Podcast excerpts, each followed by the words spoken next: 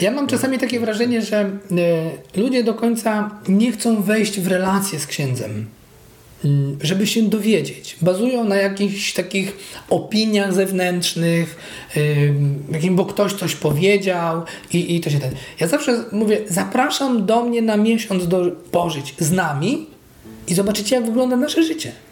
Zobaczycie, jak wygląda życie księdza, jak wygląda życie rodziny, jak, y, jak staramy się to wszystko połączyć.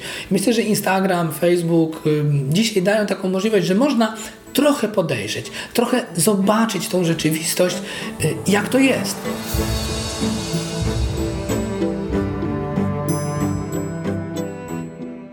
Witam serdecznie w siódmym odcinku podcastu Prowadzeni. Ja nazywam się Paweł Dębc, a w tym podcaście rozmawiamy z osobami dla których Bóg stanowi pierwsze miejsce w życiu.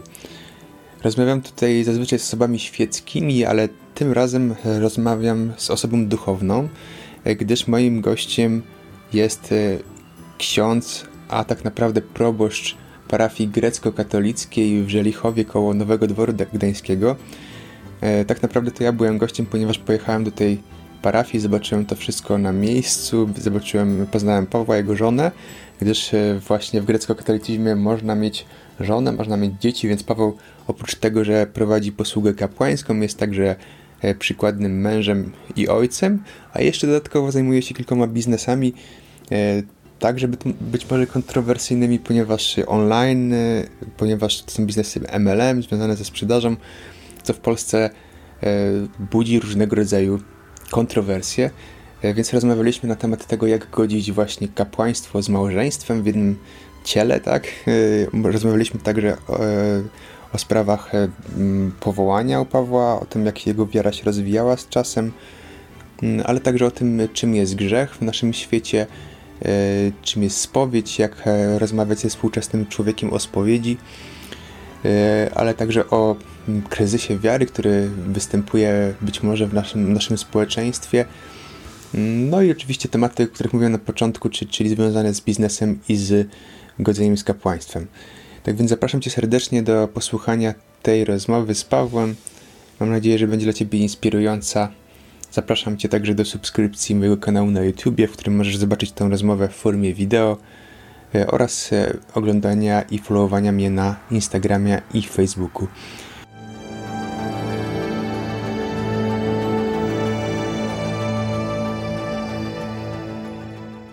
Tak więc jestem teraz e, gościem Pawła Potecznego, który zwie się żonatym księdzem, a to dlatego właśnie, e, że jest e, w brządku grecko-katolickiego i tutaj to jest jakby coś normalnego. Zainteresował mnie Paweł z tego względu oczywiście, że jest to pewien rodzaj takiego obrządku, który nie jest zbyt popularny w Polsce, ale także jeżeli chodzi o jego takie podejście do życia niestandardowe, jeżeli chodzi o właśnie sposób, e, sposób bycia na co dzień, e, ale o tym porozmawiamy za momencik. E, przede wszystkim, Pawle, witam Cię serdecznie i chciałem zapytać w ogóle, jak to się stało, że jesteś grekokatolikiem? Czy to jest Twoja taka tradycja od dziecka, czy na przykład z w pewien sposób zracjonalizowałeś to podejście, pomyślałeś sobie, no fajnie, mam powołanie kapłańskie, ale chciałbym mieć też żonę, więc podejdę do obrzędu grekokatolickiego i będę mógł to realizować w pełni. Czy po prostu to było to od dziecka u Ciebie popularny. To może zacznijmy od początku. Witam wszystkich bardzo serdecznie.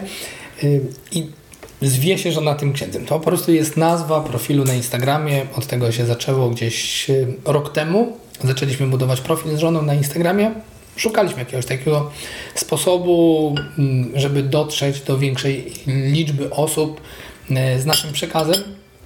Nie ukrywam, na początku było to może takie założenie czysto biznesowe, ale później mm, jednak stwierdziliśmy, że musi to być spójne z, z tym, co my robimy na co dzień, czyli to, że jestem księdzem, że ewangelizuję, że pracuję na parafii i poszło to w tym kierunku. A teraz wracając w ogóle do początku, to o co pytasz, tak? Y, jestem grekokatolikiem od urodzenia. Mhm. Moi rodzice są grekokatolikami, moi dziadkowie byli grekokatolikami, y, więc nie było tu opcji takiej, że o tu mi się bardziej podoba, to tu sobie idę. A w ogóle to też jest, nie ma takiej możliwości prawnej w kościele katolickim, mhm. żeby tak sobie przechodzić, tak? No bo tu można się żenić, no to ja jestem rzymokatolikiem, no to idę sobie do grekokatolików, tam zostanę księdzem. Nie ma takiej opcji. Jeżeli ktoś urodził się w kościele rzymskokatolickim, mhm. został ochrzczony, został wychowany w tej tradycji, w tym obrządku, nie może przejść do kościoła grecko-katolickiego, żeby tam zostać, żeby tam się ożenić, a później zostać księdzem. Nie ma takiej prawnej możliwości. Jeżeli już ktoś by chciał przejść na z kościoła rzymskokatolickiego, jakiś kandydat do, y, do święceń, później do seminarium, to i tak jest zobowiązany do celibatu. Mhm. No tak, czyli jakby to, to w pewien sposób zamknięte jest taka pełne uczestnictwo jako grekokatolik, jeżeli chodzi o rzymskokatolika, no ale rozumiem, że rzymskokatolik może również uczestniczyć w Eucharystii. Na, no zdecydowanie tak. tak. Jakby nie ma problemów tylko po prostu kapłanem nie, nie może. Mm, tak, znaczy może być kapłanem, tylko nie może być żonatym kapłanem. Tak, tak? Czyli to, no, żeby nie było takich tak. właśnie, tak jak mówię, takiego podejścia. Takiego podejścia, tu mi się bardziej podoba i tak dalej. Sobór Watykański II jasno naucza, że mm, trzeba zgłębiać swoją tradycję, w której się urodził i w której zostało się wychowanym. Mhm. Więc, e, więc w taki sposób są kapłani, na przykład birytualiści w naszym kościele, którzy odprawiają w dwóch obrządkach, i rzymskim, i greckim, tak? i rzymskokatolickim, i grecko-katolickim. Mhm. Ale to już na specjalną prośbę też i, i zgodę Stolicy Apostolskiej i biskupów. Mm, więc w taki sposób to wygląda, jeżeli chodzi o taką no, moją przynależność. Więc ja jestem grekokatolikiem od urodzenia. Mhm. E, to, że jesteś grekokatolikiem od urodzenia, to, to jest jedna sprawa, ale też zastanawiam się, czy twoja wiara też była taka e, silna od urodzenia, czy ona się rozwijała z czasem, czy może byłaś takim e, letnim e, wiernym, a później, później nastąpił jakiś przełom w twoim życiu i, i te powołanie do kapłaństwa, czy jak, jak to wyglądało?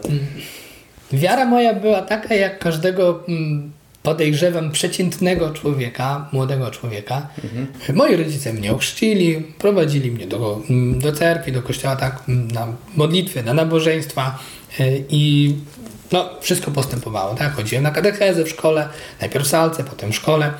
E, chodziłem do podstawówki, jak wszyscy inni. Wiara to jest, e, to jest dar i łaska. Tak? To, to, to nie jest coś, co gdzieś tam sobie mm, wymyślimy i, i tyle. Ktoś ma ją bardziej gorliwą, ktoś mniej, a później ją też odkrywamy. Ona na początku jest taka tradycyjna, mhm. bo mama kazali. Ja się zawsze sobie żartuję, że mama kazała, no to idę do kościoła, nie? Mama, tato, tak gonili do kościoła, bo, bo, bo trzeba. No tak. no, nie zostawią małych dzieci w domu, my swoje też gonimy, tak? Bo trzeba, tak? W domu sami nie zostaniecie, to idziecie z nami. No i tyle.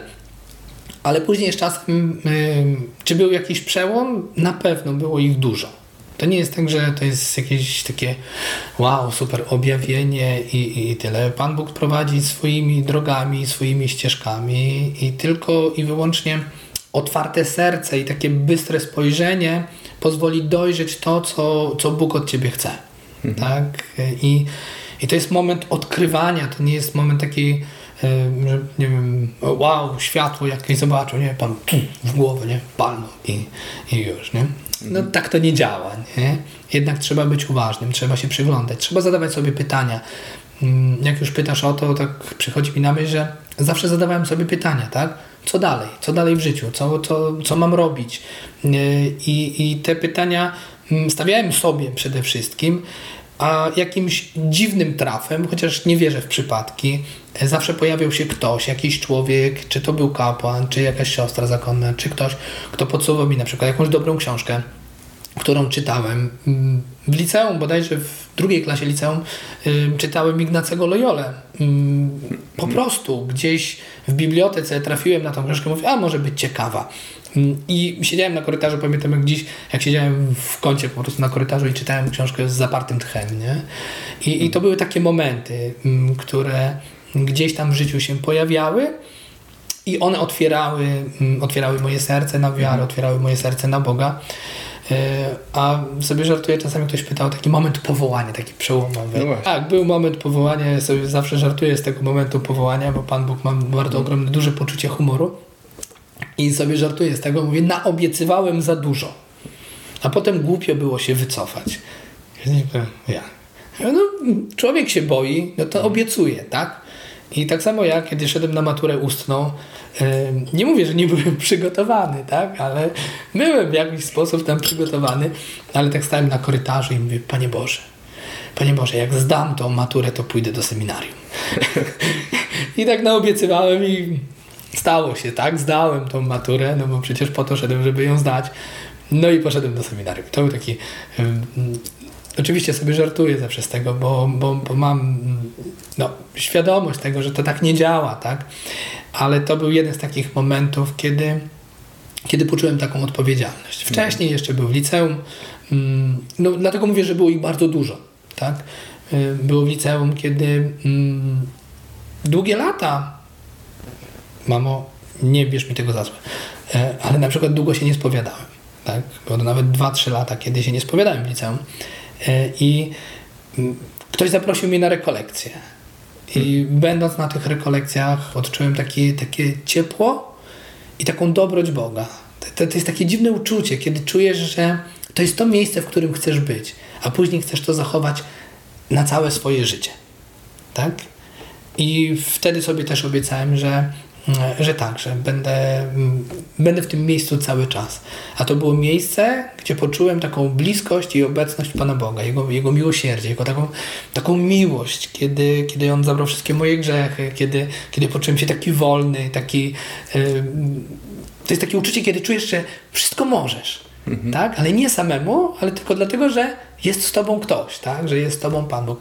I myślę, że to były takie momenty, a później jeszcze, jeszcze, jeszcze w życiu mnóstwo, mnóstwo razy Pan Bóg mnie utwierdzał w tym, że, że jest blisko mnie i, i ja to czułem i nadal czuję tą obecność. Mhm.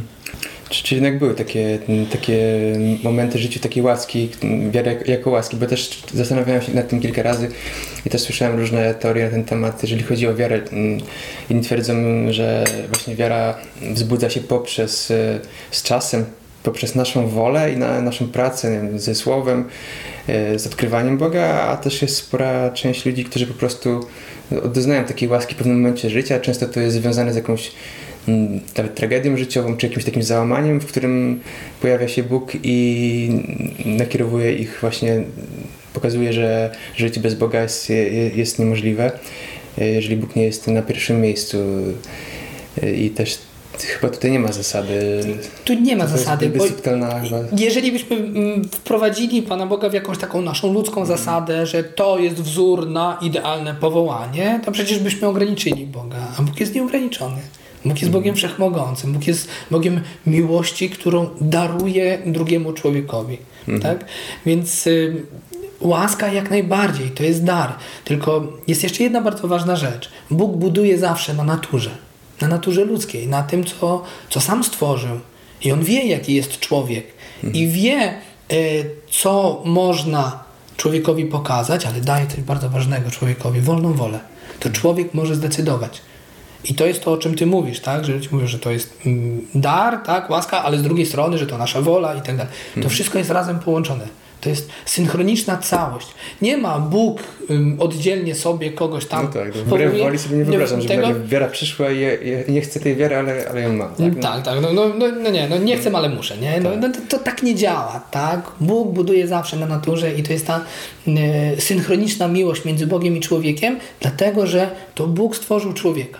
I taka jest, i to jest główna zasada w moim życiu, tak? tego, tego rozumienia, że to Bóg mnie stworzył. W tym momencie historii, w tym momencie istnienia świata, y, z tymi ludźmi i tyle. Mhm.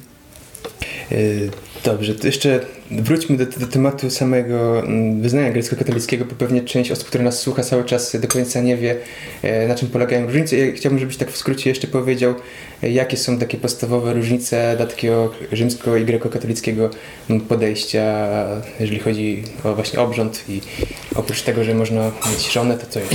Znaczy się, to, mm, wszyscy pytają zawsze, jakie są różnice między nami. Ja bym raczej mówił o tym, co nas łączy, tak? Co nas łączy, bo różnice widać gołym okiem. Łączy tak? nas o wiele więcej. Tak. Na pewno, no, więc y, byśmy musieli o wiele więcej mówić na ten temat. No, ale różnice widać gołym okiem, tak? No jeżeli mm. ktoś wchodzi na profil, y, nie wiem, na Instagramie chociażby, mm. tak, y, księdza rzymskokatolickiego jakiegoś, to to widzi, że on jest sam. A jeżeli wejdzie na profil żona tego księdza, to widzi, o wow, no już jest tak. żonaty ksiądz, tak? No kościół, ksiądz, ksiądz jakiś inny i inaczej wygląda i coś innego robi. To jest jedno. Drugie, wejście do świątyni, tak? No, wystrój świątyni. To są te zewnętrzne rzeczy związane właśnie z obrzędami, mhm. z wyznawaniem wiary. to będą różnego rodzaju obkadzenia, to będą stroje liturgiczne, to będą zwyczaje mm, z, związane z religijnością, tak? I, I, tych różnic będzie naprawdę, no, to związane z tym, co na zewnątrz. Czyli ten głównie obrządek, czyli kalendarz chyba to się nazywa. Kalendarz juliański u nas obowiązuje, tak? Czyli mamy no, święta 13 ruchome, tak? Jak mm -hmm. Wielkanoc y, i wszystkie święta związane z Wielkanocą są 13 dni później, bo jest to związane z kalendarzem juliańskim, który, który stosujemy w kościele, tak? Mm, mamy w wystroju mm, kościoła, świątyni, cerkwi, mamy ikonostasy tak? Czyli już coś zupełnie, zupełnie no, innego niż w kościołach rzymskokatolickich, kiedy wejdziesz. Nie? Same obrzędy też i duchowość. Trzeba pamiętać, że duchowość bizantyjska, ta, która wzrastała w Konstantynopolu, ona była związana, no i jest związana, tak, i z filozofią życia, i z podejściem do życia i tak dalej. No, czytając o wschodnich ojców Kościoła, tam będziemy mieli zupełnie troszeczkę inne rozumienie tych samych prawd, tak, mhm. ale to są już głębsze różnice, nad którymi, że tak powiem, teologiczne, nad którymi trzeba usiąść, tak, trzeba się zastanowić.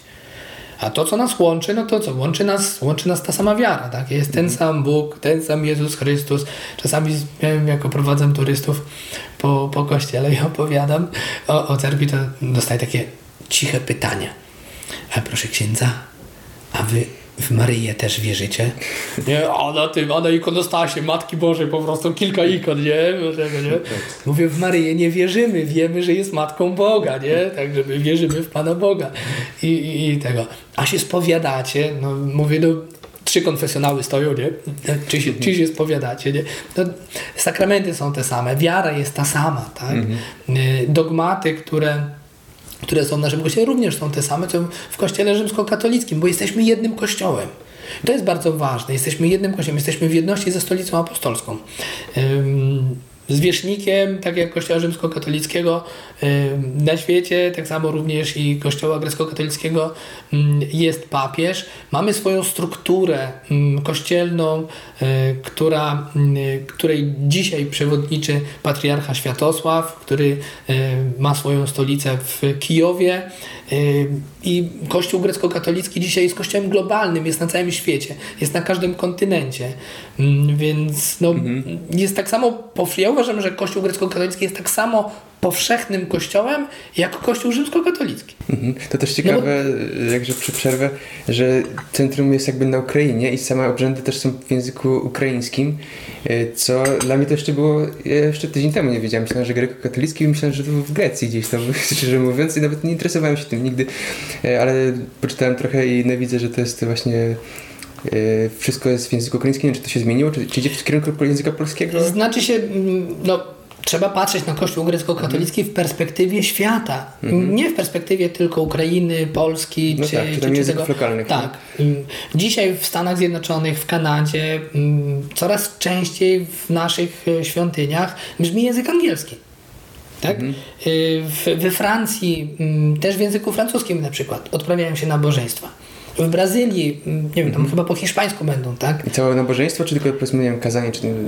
I, I tak, i tak. Mhm. Czasami jest to kazanie, czasami są to nabożeństwa i, i, i tak dalej. Czy będzie język polski w Polsce? Nie wiem. Trudno powiedzieć, ale my również widzimy tendencję dzisiaj w kościele. Mamy na przykład y, w cerkwi mamy małżeństwa mieszane obrządkowo. Mhm. Tak? Y, zjawia się coraz więcej mm, osób w, naszej, y, w naszych wspólnotach, sympatyków Kościoła grecko-katolickiego, tak? Mhm. którzy są polskojęzyczni. I mm, również bywa tak, że mm, chcą jakieś nabożeństwo dla siebie w języku polskim. Przecież to nie jest tak, że jesteśmy tak hermetyczni, że nic w języku polskim nie odprawiamy. Przecież się spotykamy. Jeżeli jest ślub yy, mieszany, tak, jest yy, jedna z osób yy, grecko-katolicka, druga rzymsko-katolicka, polskojęzyczna, no to kazanie mówimy pół na pół. Tak? Część w języku polskim, część w języku ukraińskim. Mamy wydane już y, księgi liturgiczne do tego. No właśnie żeby z sąsiadami, tak? Są sąsiedzi, którzy mogą uczestniczyć i chcieliby, jeżeli wyrażą taką chęć, no to również jest taka możliwość, tak? Więc to nie uważam, że bariera językowa to żadna bariera. Dokładnie. Dobrze, to już zostawmy może ten wątek, ale jeszcze bardzo ciekawy jest w ogóle Twój styl życia na co dzień, ponieważ jako, że y, jesteś, y, tworzysz rodzinę, masz dzieci, żonę, to mm, też y, jest jakby osobne Twoje życie rodzinne, osobne życie jako, jako kapłana. I też zastanawiało mnie to, czy w tym kontekście mm, też prowadzisz oficjalnie, jesteś osobą taką dosyć kontrowersyjną, prowadzisz różnego rodzaju takie biznesy online, mm, marketing sieciowy, e, działasz dużo na Instagramie, mm, twoja osoba jest taka, można powiedzieć, e, widoczna. Widoczna, tak, jak najbardziej. I z jednej strony to, to jest ciekawie inspirujące, a z drugiej zastanawiałem się, czy to, czy, czy to jest pewnego rodzaju obowiązek dla takiego kapłana grecko-katolickiego, żeby prowadzić swój niezależny biznes czy pracę, żeby z tych pieniędzy powiedzmy wyżywać swoją rodzinę, a na przykład dary, które są przeznaczone na kościół, tylko na, tylko na kościół przeznaczać. Czy, czy to jest taki przymus, czy są tak, na przykład tacy kapłani, co są tylko kapłanami i nic innego nie robią i z tego jakby żyją? Znaczy tutaj nie ma, żeby była też jasność, tak? Nie ma żadnego przymusu do niczego, tak? To wynika z, też z sytuacji, w jakiej jesteśmy. Mhm. Tak? Każdego rodzaju mm, y, sytuacje, mm, one wymuszają pewnego rodzaju działania. Tak? Więc tutaj nie ma przymusu, że ksiądz mhm. musi się zajmować jakimkolwiek biznesem, cokolwiek robić i tak dalej. Nie, może po prostu być na parafii y, i, i, służyć w parafii. Generalnie w większości tak jest, tak? Że, że księża y, tak są na parafiach. Tylko, bardzo ważna rzecz, y, proboszcz jest osobą odpowiedzialną w parafii za reprezentowanie parafii przed wszystkimi instytucjami państwowymi itd. Tak Proboszcz również zarządza majątkiem parafialnym.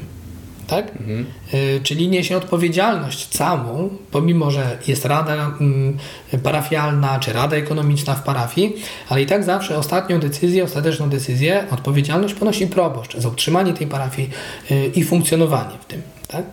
I teraz mamy sytuację taką, że na przykład w mojej wspólnocie parafialnej w parafii jest około 200 osób. Mhm. Około 200 osób. Teraz jest sytuacja pandemii i, i tak dalej, no wiadomo jak to jest, tych osób coraz mniej.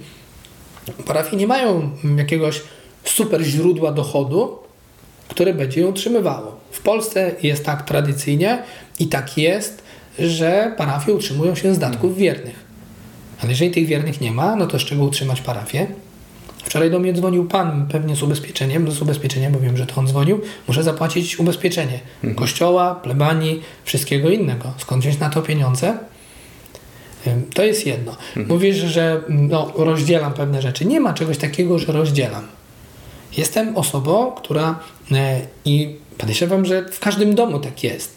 Jeżeli jest ktoś mężem, to ma swój również zawód, wykonuje jakąś pracę po to, żeby generować y, pieniądze do domu, żeby ten dom utrzymać.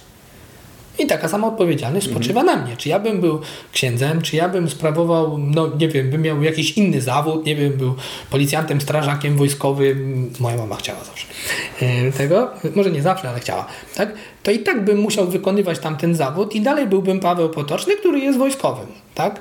Mhm. Więc w jakiś sposób takim, moja misja czy zadanie no jest szczególne, tak? No bo bycie księdzem, bycie kapłanem to jest dar, łaska, mhm. coś czego my, my, my nie uświadamiamy, ale z kapłaństwa my żyjemy. Mhm. No, żyjemy z tej naszej posługi. No. Czy to będzie ksiądz grecko-katolicki, czy no tak, rzymsko-katolicki, tak? No, z tego mamy pieniądze, z naszej posługi. Nie ma, to jest, to jest zupełnie inne troszeczkę jak w tym świecie, że tak znaczy się w tym świecie, w tamtym świecie. Nie lubię takich sformułowań, mhm. ale jak w takim ogólnym rozumieniu, tak, że idziesz do pracy, wypełniasz swój zawód, cennik jest taki, jesteś ustalony na taką i taką kwotę, tyle i tyle dostaniesz. W kościele tak nie jest. W kościele jest zupełnie inaczej. No tak, to, to przewidzieć nie da. Nie da się tego przewidzieć, że tyle i tyle będziesz miał pieniędzy, przyjdzie koniec miesiąca i masz wypłatę na konto. Nie jesteśmy zatrudnieni przez żadne instytucje państwowe. Państwo nam nie płaci dodatkowo. Czasami ludzie myślą, że y, państwo nam coś płaci. Nic nam państwo nie płaci, chyba, że pracujemy... Czy jakiś tam kościół, czy, czy tam centralny... Że tak, że kościół centralny, tak, a, a najlepsze są teksty jak a co kuria wam nie płaci? No ale skąd kuria ma wziąć pieniądze? Kuria to jest organ, który pomaga biskupowi. A wy kurii płacicie przykład? No, zwyczajnie jest y, pierwsza tak. niedziela miesiąca, tak zwany katedratikon, gdzie y, jest to na utrzymanie właśnie kurii, wsparcie mhm. biskupa. Czyli raczej w drugą stronę. Raczej, raczej w drugą stronę, mhm. tak? I, I też kuria, biskup utrzymuje się z datków, z datków wiernych. Tak to jest. I to możemy, nie wiem, zaklinać rzeczywistość, że w mediach słychać, czy gdzieś tam jakieś hasła, że, że to jest inaczej, no ale jeżeli siądziemy do stołu i zaczniemy rozmawiać o faktach, tak, to okazuje się, wow, to wy z czego żyjecie? No właśnie, okazuje się, że trudno jest w ogóle znaleźć sposób funkcjonowania i życia. Ja, tam, ja mówię jak jest, żeby też nie było, żebym był dobrze zrozumiany. Ja nie narzekam, ja generalnie mówię jak jest, mówię o faktach, bo w, środku tej rzeczywistości jesteśmy my, są ludzie, jest y, rodzina, są dzieci, które trzeba utrzymać, które e, no, zdecydowałem się na taki krok, więc szukam rozwiązań. Więc szukam rozwiązań. A oprócz tego, e, jako proboszcz, czuję się odpowiedzialny również za zabytek, który mam w administracji, tak? Bo jestem administratorem tego zabytku. Jest to własność parafii, zabytek z XIV wieku, a ustawa o ochronie zabytków mówi jasno, że odpowiedzialność za ochronę zabytków ponosi właściciel. Mhm. Czyli tutaj jest też spory koszt związany z utrzymaniem, z konserwacją tego zabytku i tutaj, Dzisiaj mam... chyba jest szansa na większą dotację, jeżeli chodzi o takie... Szansa jest taka sama jak każdy, jak inny, jak każdy innego zabytku, tak? Mhm. Y, składamy wnioski, uczestniczymy w konkursach wszystkich i tak jak każdy inny mhm. jesteśmy oceniani tak samo. To nie jest, wiesz, że ktoś ma większe szanse, ktoś mniejsze. Każdy ma takie same szanse bo to są dotacje publiczne, jest to finansowanie publiczne i ono jest obwarowane jakimiś konkretnymi zasadami. Więc to są dodatkowe rzeczy, które dochodzą. Tak? Mhm. I teraz biorąc to wszystko pod uwagę mm, i okoliczności, i zadania, które są do zrobienia, całą administrację, życie codzienne, tak? Okazuje się, że, że nie masz czego i trzeba podejmować jakieś e, zadania, mhm. wyzwania. Możemy żyć pięknymi ideami e, czy pięknymi no, słowami Ewangelii, nie martwcie się, co będziecie jedli, co będziecie pili. W porządku, ja się o tym nie martwię, tak? Ja wiem, mhm. że Pan Bóg zadba o to, ale to mnie nie zwalnia od wykonywania pracy. Mhm. Ja sobie zawsze myślałem, jak będąc w seminarium, mm, jeszcze moja mama pracowała w magazynie mm, na Białowym i żeby ktoś rano miał mleko, to ona musiała o drugiej w nocy wstać żeby pójść do pracy, z magazynu mm, wydać to mleko i tak dalej. I ona pracowała. Ja będąc w seminarium sobie bardzo, jak mi się nie chciało wstać, to sobie zadawałem to pytanie takie, a kto mnie zwolnił z pracy? To jest moja dzisiaj praca. Uczenie się w seminarium, studiowanie, to była moja praca. I nikt mnie nie zwolnił. Mówię, moja mama wstaje o drugiej w nocy. Więc ja o tej 5.30 też mam zwlec się z łóżka i pójść do kaplicy, bo to jest moja, moja misja, moje zadanie, moje powołanie, moja praca na ten moment. I tak samo będąc na parafii, tak? Mhm. Modlitwa to jest jedno z najważniejszych rzeczy, jak nie najważniejsza w życiu kapłańskim. Osobista, modlitwa wspólnotowa, yy, czytanie Pisma Świętego, rozważanie go i tak dalej. Nabożeństwa i tak. Ale nie oszukujmy się, no, to nie jest jedyna aktywność księdza w parafii to jest po prostu jeden z elementów całości. Dlatego ja nie rozróżniam, że mm, dzieci teraz jestem księdzem, tak, a za 5 minut będę waszym tatą. No, nie.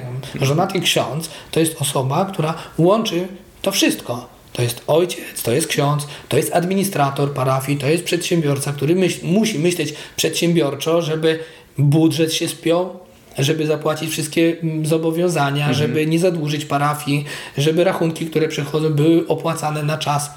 To jest mhm. normalne życie.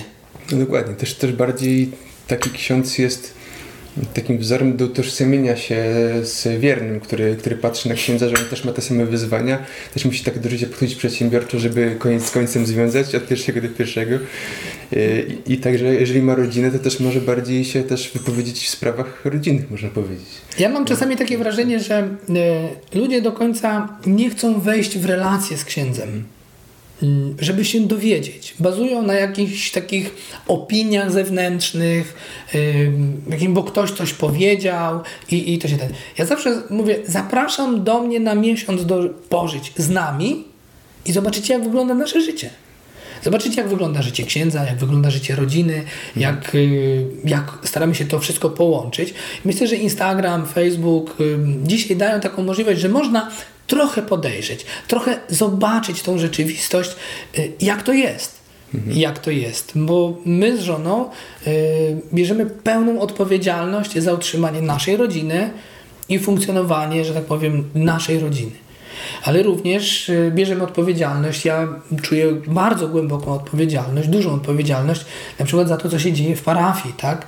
No właśnie, żeby nie zadłużyć kościoła, żeby, a bardzo prosto jest zadłużyć. Wy, wystarczy nie wykonać zaleceń y, Urzędu Konserwatorskiego i można dostać mandat od 500 do 500 tysięcy złotych.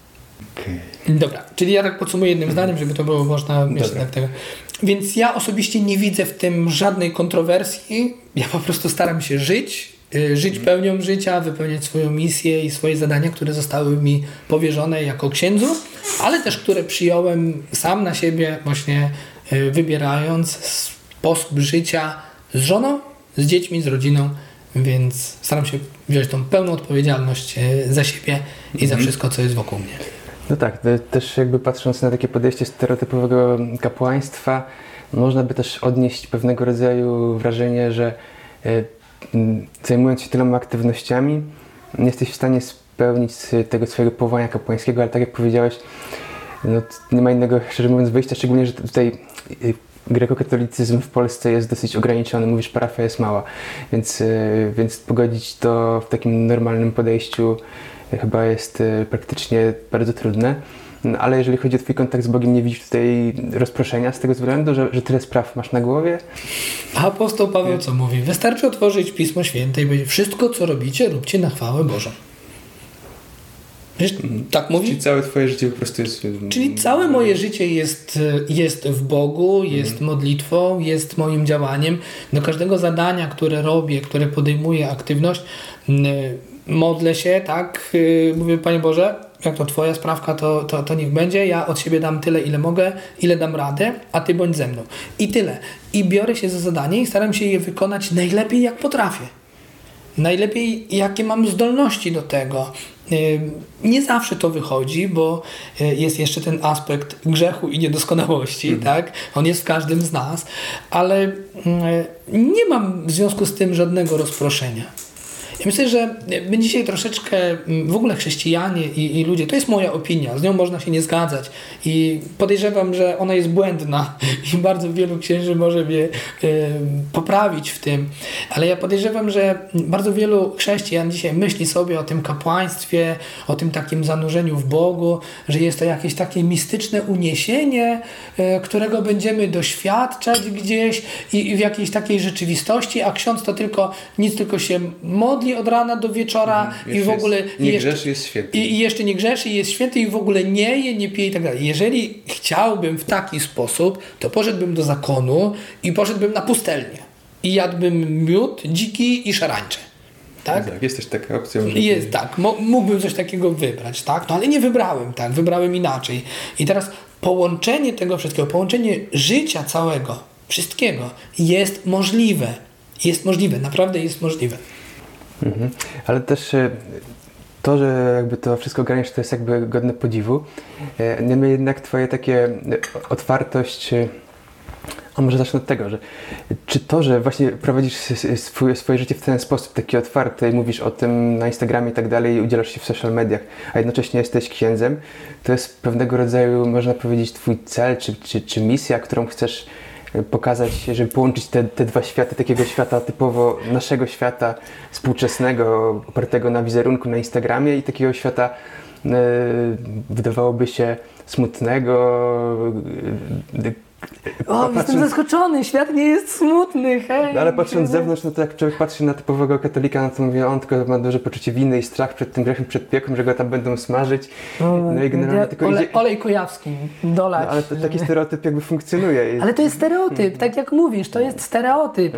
Mm, ja nie mam w tym jakiejś takiej wielkiej misji, wiecie, zobaczcie, wow, można to połączyć. Moim celem w życiu jest dopasować się do miłości Pana Boga, żeby wejść do Królestwa Bożego. Tak? To jest mój cel. To jest mój cel, żeby, żeby po prostu mm, żyć świętym życiem. Tak? Nawet nie, żeby zostać świętym, bo potem mnie pokroją tak? i będą brali relikwie gdzieś tam. No nie, nie. Chodzi o to, żeby zjednoczyć się z Panem Bogiem. I tyle. To jest cel mojego życia. I teraz misją, misją, którą w życiu mm, każdy kapłan ma, to jest głosić Ewangelię. Mhm. Tak? A w jaki sposób możesz głosić Ewangelię i być w tym autentycznym? kiedy sam jej doświadczasz, kiedy sam nią żyjesz każdego dnia. To nie jest teoretyzowanie, że słuchajcie, dobrze by było, gdybyście, wiecie, wy to zrobili. No way! Ja jestem pierwszy, który czyta Ewangelię. Ja jestem pierwszy, którego czyta Bóg z tej Ewangelii. Jeżeli czytam dzisiejsze Słowo Boże, będę czytał o ze Starego Testamentu, bo my w Wielkim Poście większą uwagę przy, przywiązujemy do Starego Testamentu, to y, będę ją czytał przede wszystkim do, do siebie. Będę czytał o tym stworzeniu świata i będę się zastanawiał, jakie jest moje miejsce w tym świecie. A nie będę opowiadał wszystkim, wiecie, bo Bóg stworzył człowieka, stworzył ciebie na swoje podobieństwo. Bóg stworzył mnie w pierwszym rzędzie na swoje podobieństwo. I to ja biorę odpowiedzialność. I teraz hmm. użyłem w tym sformułowaniu kilka razy słowo ja, ja, ja, ja. 80% katolików od razu by mi to powiedziało, a gdzie w tym Bóg ty ciągle mówisz o sobie? A jakie jest prawo miłości? Kochaj bliźniego swego jak siebie samego. Nie możesz dać nikomu nic, jeżeli sam tego nie masz. Rozumiesz? I to jest, i to jest ta wyjątkowość. To jest moja misja. Głosić Ewangelię, bo to jest moje zadanie. Pan Jezus powiedział to. Idźcie na cały świat i głoście Ewangelię. Nie powiedział idźcie, odprawiajcie Eucharystię. Nie odpowiedział idźcie, uprawiajcie parafią, zarządzajcie nią i tak dalej. On powiedział idźcie, głoście Ewangelię. A Ewangelia to co to jest? To jest kerygmat o wyzwoleniu człowieka z grzechu, y, o śmierci Pana Jezusa na krzyżu, zmartwychwstaniu, darowaniu nowego życia i wyzwolenie człowieka ze strachu, śmierci. To jest Ewangelia. To jest dobra nowina. I to jest moja misja, to jest moje zadanie. Wszystko inne, wszystko inne, naprawdę, to są tylko i wyłącznie narzędzia do realizacji tej misji. Albo do utrzymania się, że tak powiem, na powierzchni tego życia tutaj, no bo jestem świadomy, że jesteśmy fizyczni, jesteśmy materialni, dopóki jesteśmy tutaj w tym życiu. W tym życiu. Podlegamy wszystkim prawom i zasadom materialności. Teraz mówisz kolejny temat, yy, gdzieś, który nie chciałbym, żebyśmy nad nim też przemknęli, tak? Mhm. Czyli biznesu, marketingu sieciowego i tego wszystkiego, bo to jest bardzo ważny temat. Bo mm, wielu katolików yy, w Polsce mm, marketing sieciowy traktuje jako jakaś sekta, coś e, tego, nie pochylając się w ogóle nad tematem. A to wszystko zależy od tego, i tutaj łaski nie ma, tak? Mhm. Tu, tutaj łaski nie ma, tu jest po prostu czysta wiedza. Mhm. Ale tak patrzy typowy parafianin na ciebie i patrzy, o tutaj on coś sprzedaje przez internet, a jest jednocześnie naszym proboszczem. Czy to jakoś nie, nie spotykasz się z opiniami jakiejś takiej od strony parafian, jeżeli chodzi o twoją wiarygodność, czy że tutaj coś e, właśnie... No ale jaką wiarygodność? No, no, no znaczy, ja nie wiem. Pod, pod, kątem tego poglądu na temat biznesu sieciowego, mówisz, że jest taki stereotyp. Ale ja byłem przedsiębiorcą, ja, by, ja byłem przedsiębiorcą zawsze. Ja prowadziłem swój sklep internetowy, księgarnię internetową, w której sprzedawałem Pismo Święte, Różańce i wszystkie inne rzeczy. Mhm. Znaczy to jest bardziej zrozumiałe, przypuszczam, dla, dla parafian, że tam ksiądz tam... No ale jaka... Z, ej, produkt ma być... Produkt, no ale czekaj, no, to to sprzedawać można, a innego produktu ksiądz nie może sprzedawać. No, coś pewnie, nie wiem, nam no, nie, wciska, coś, co nie jest wartościowe w pełni. Tak, to, tak jest pogląd, przyznasz, że... No że przyznam, no ale I jak ja nie przystoi księdzu wiesz, przecież, żeby takie rzeczy... Proszę. Ja nie przywiązuję do tego wagi, tak? Mhm. Sprzedaż jest to sprzedaż produktu. I tyle.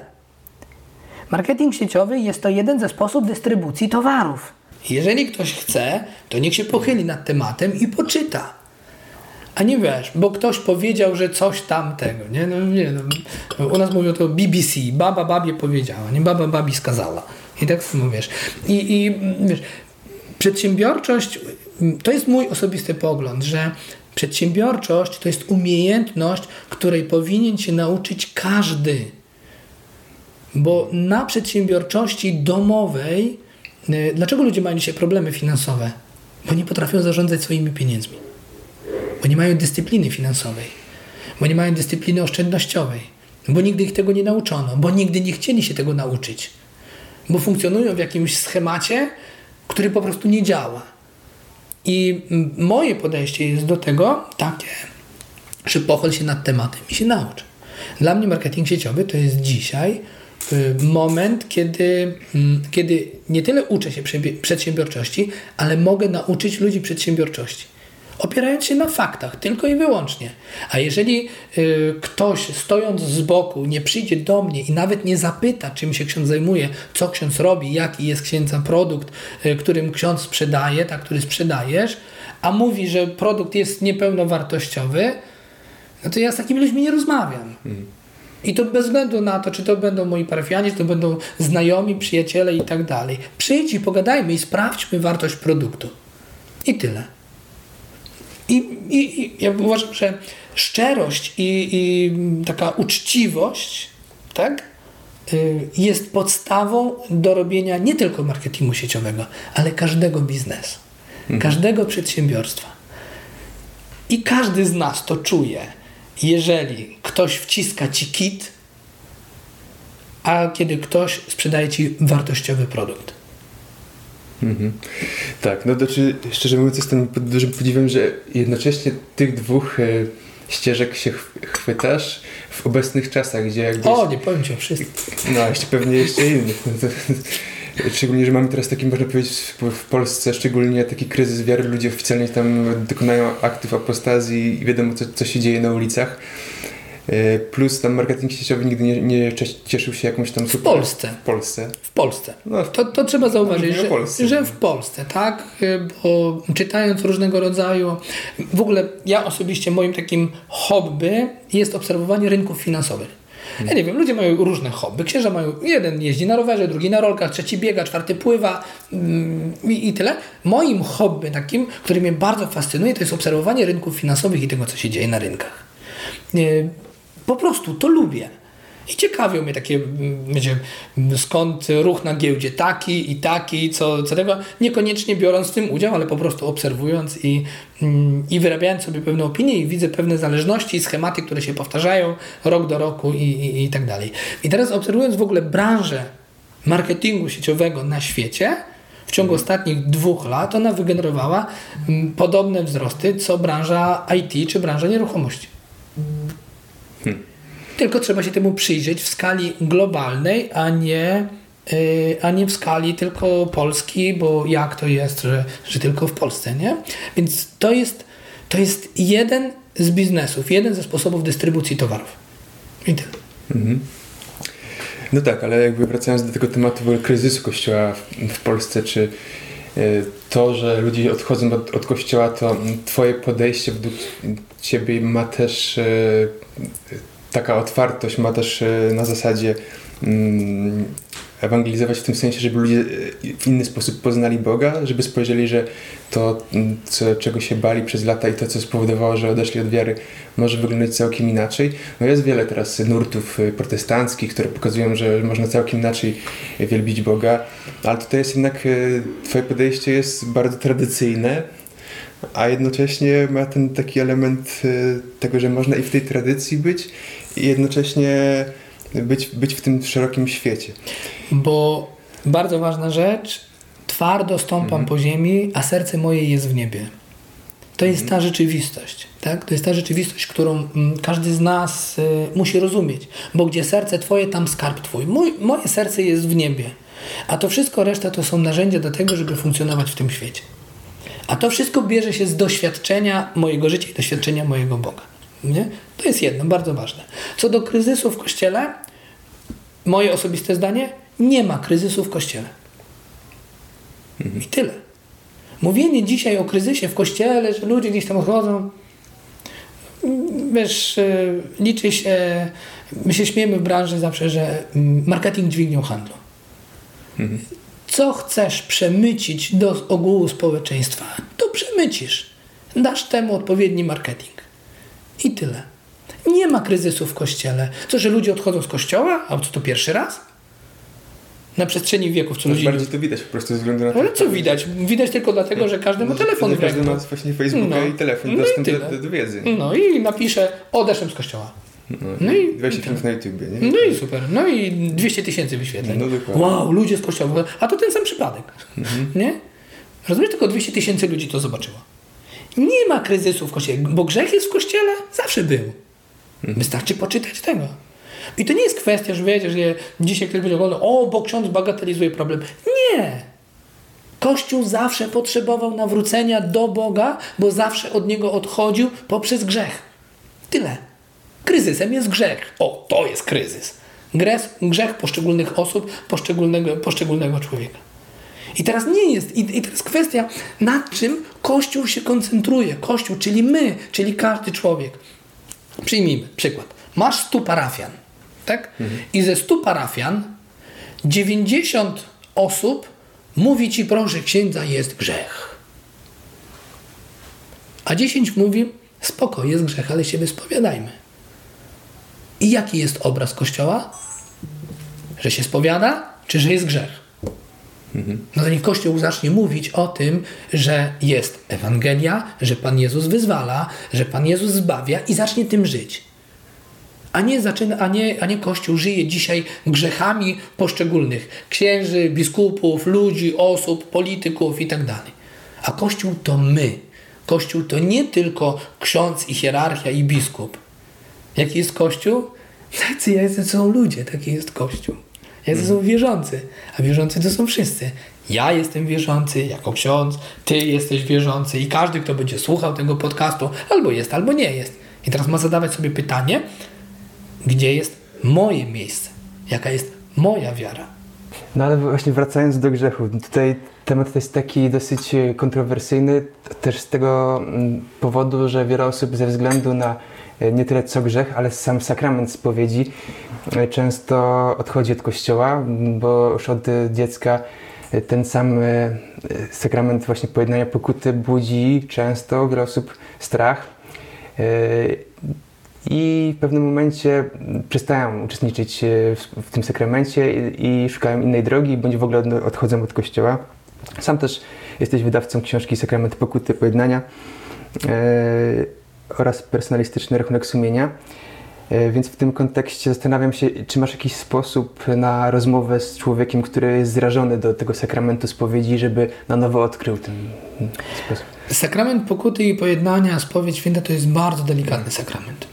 To jest bardzo szczególny sakrament, jeżeli chodzi o e, uczucie miłosierdzia i miłości. Osobiście uważam, że nie wszyscy księża powinni spowiadać.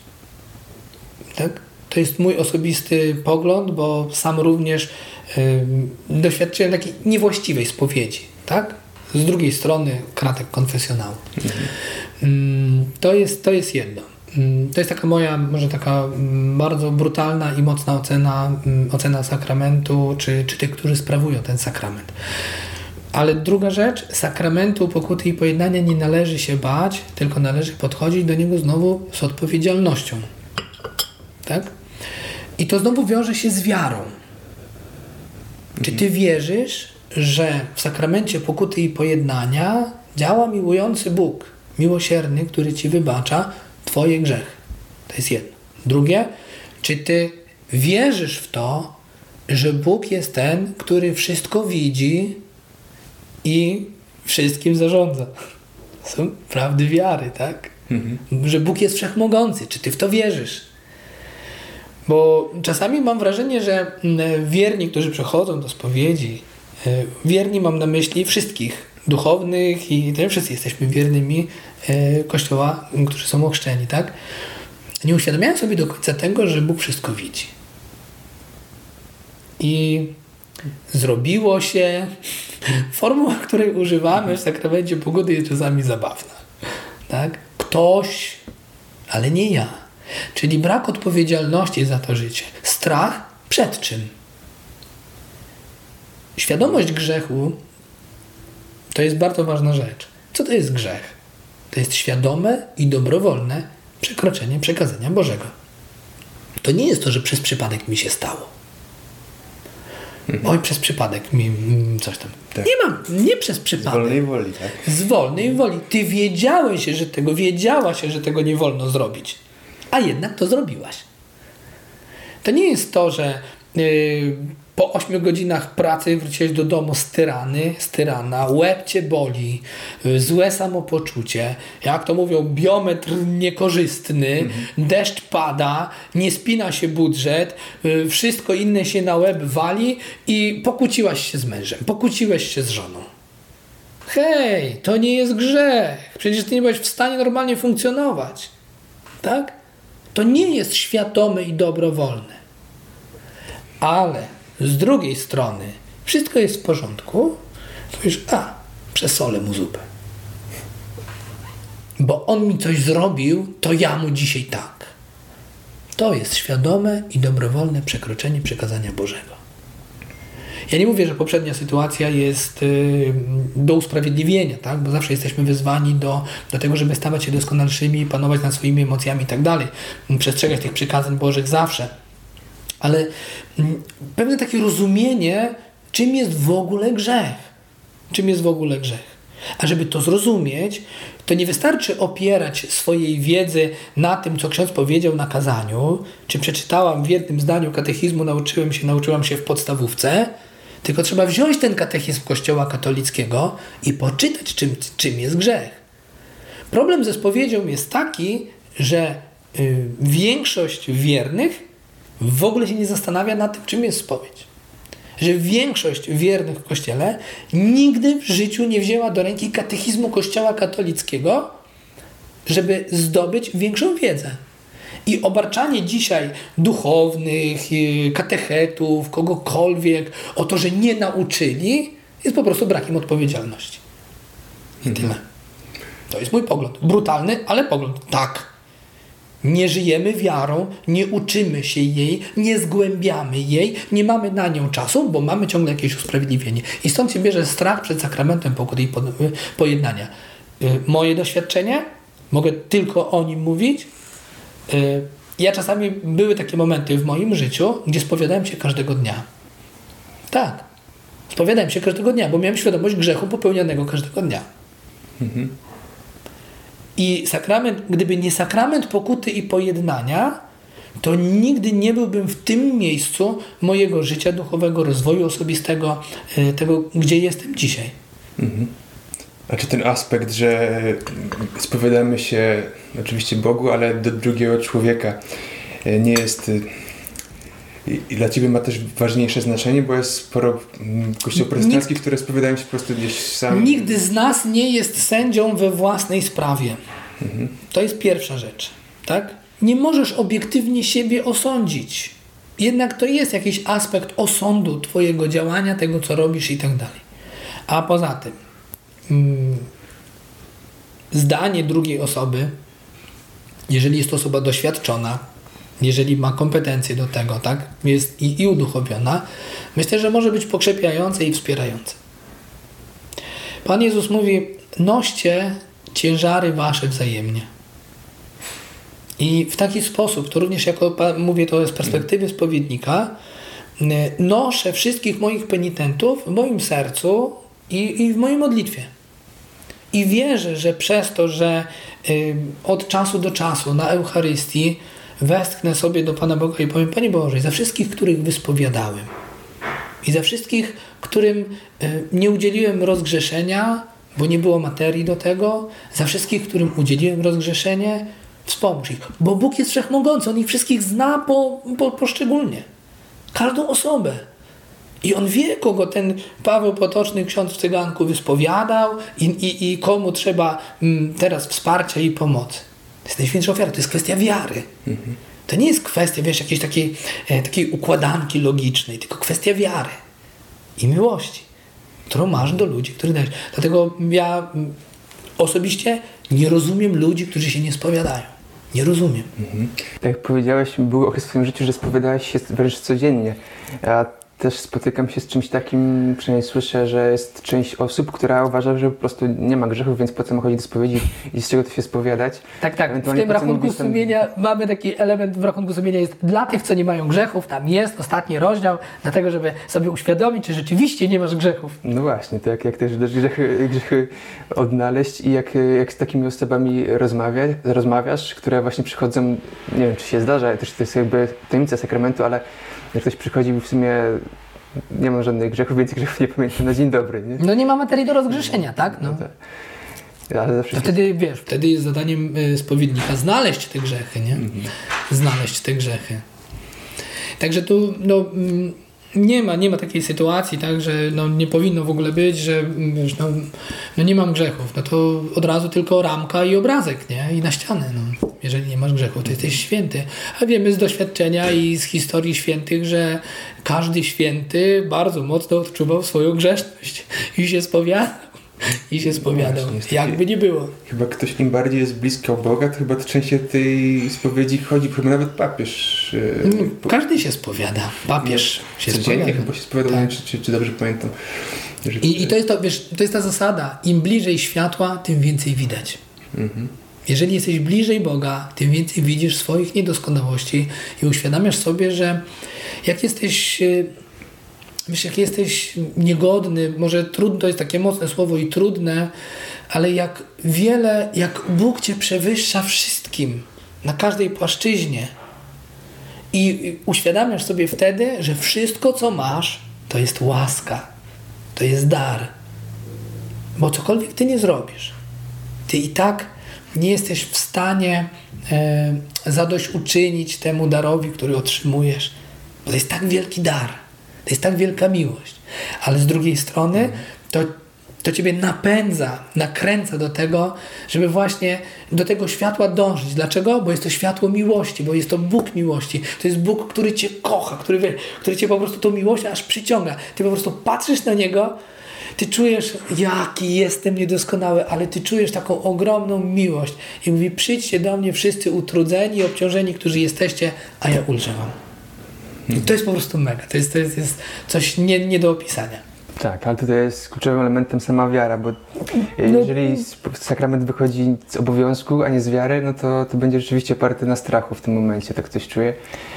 A jeżeli rzeczywiście potrzebujesz tego oczyszczenia i widzisz ten potencjał, który idzie za tym sakramentem kolejnym, no to, to jest całkiem inne podejście do, do, do, tego, no ale to też jakby nie ma zasady, żeby, żeby to komuś wtłoczyć, czy, tylko możesz inspirować. Nie? Ja kiedyś przeczytałem takie zdanie: konia do wodopoju doprowadzisz, ale już się nie napijesz za niego.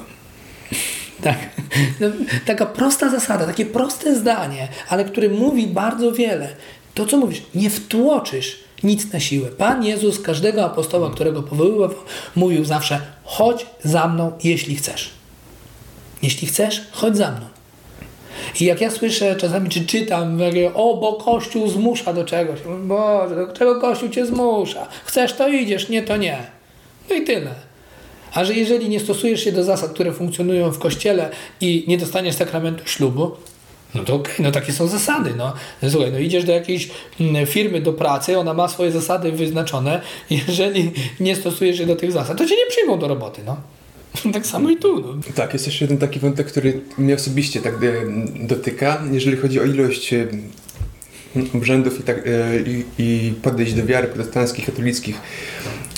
Ja mam takie podejście, że jestem co prawda rzymskim katolikiem, ale nie mam problemu, żeby pójść do protestantów na, na, na, ich tam wielbienie, czy także przypuszczam, że skorzystam tutaj z gościnności Twojej i też przyjdę, zobaczyć jak to jest.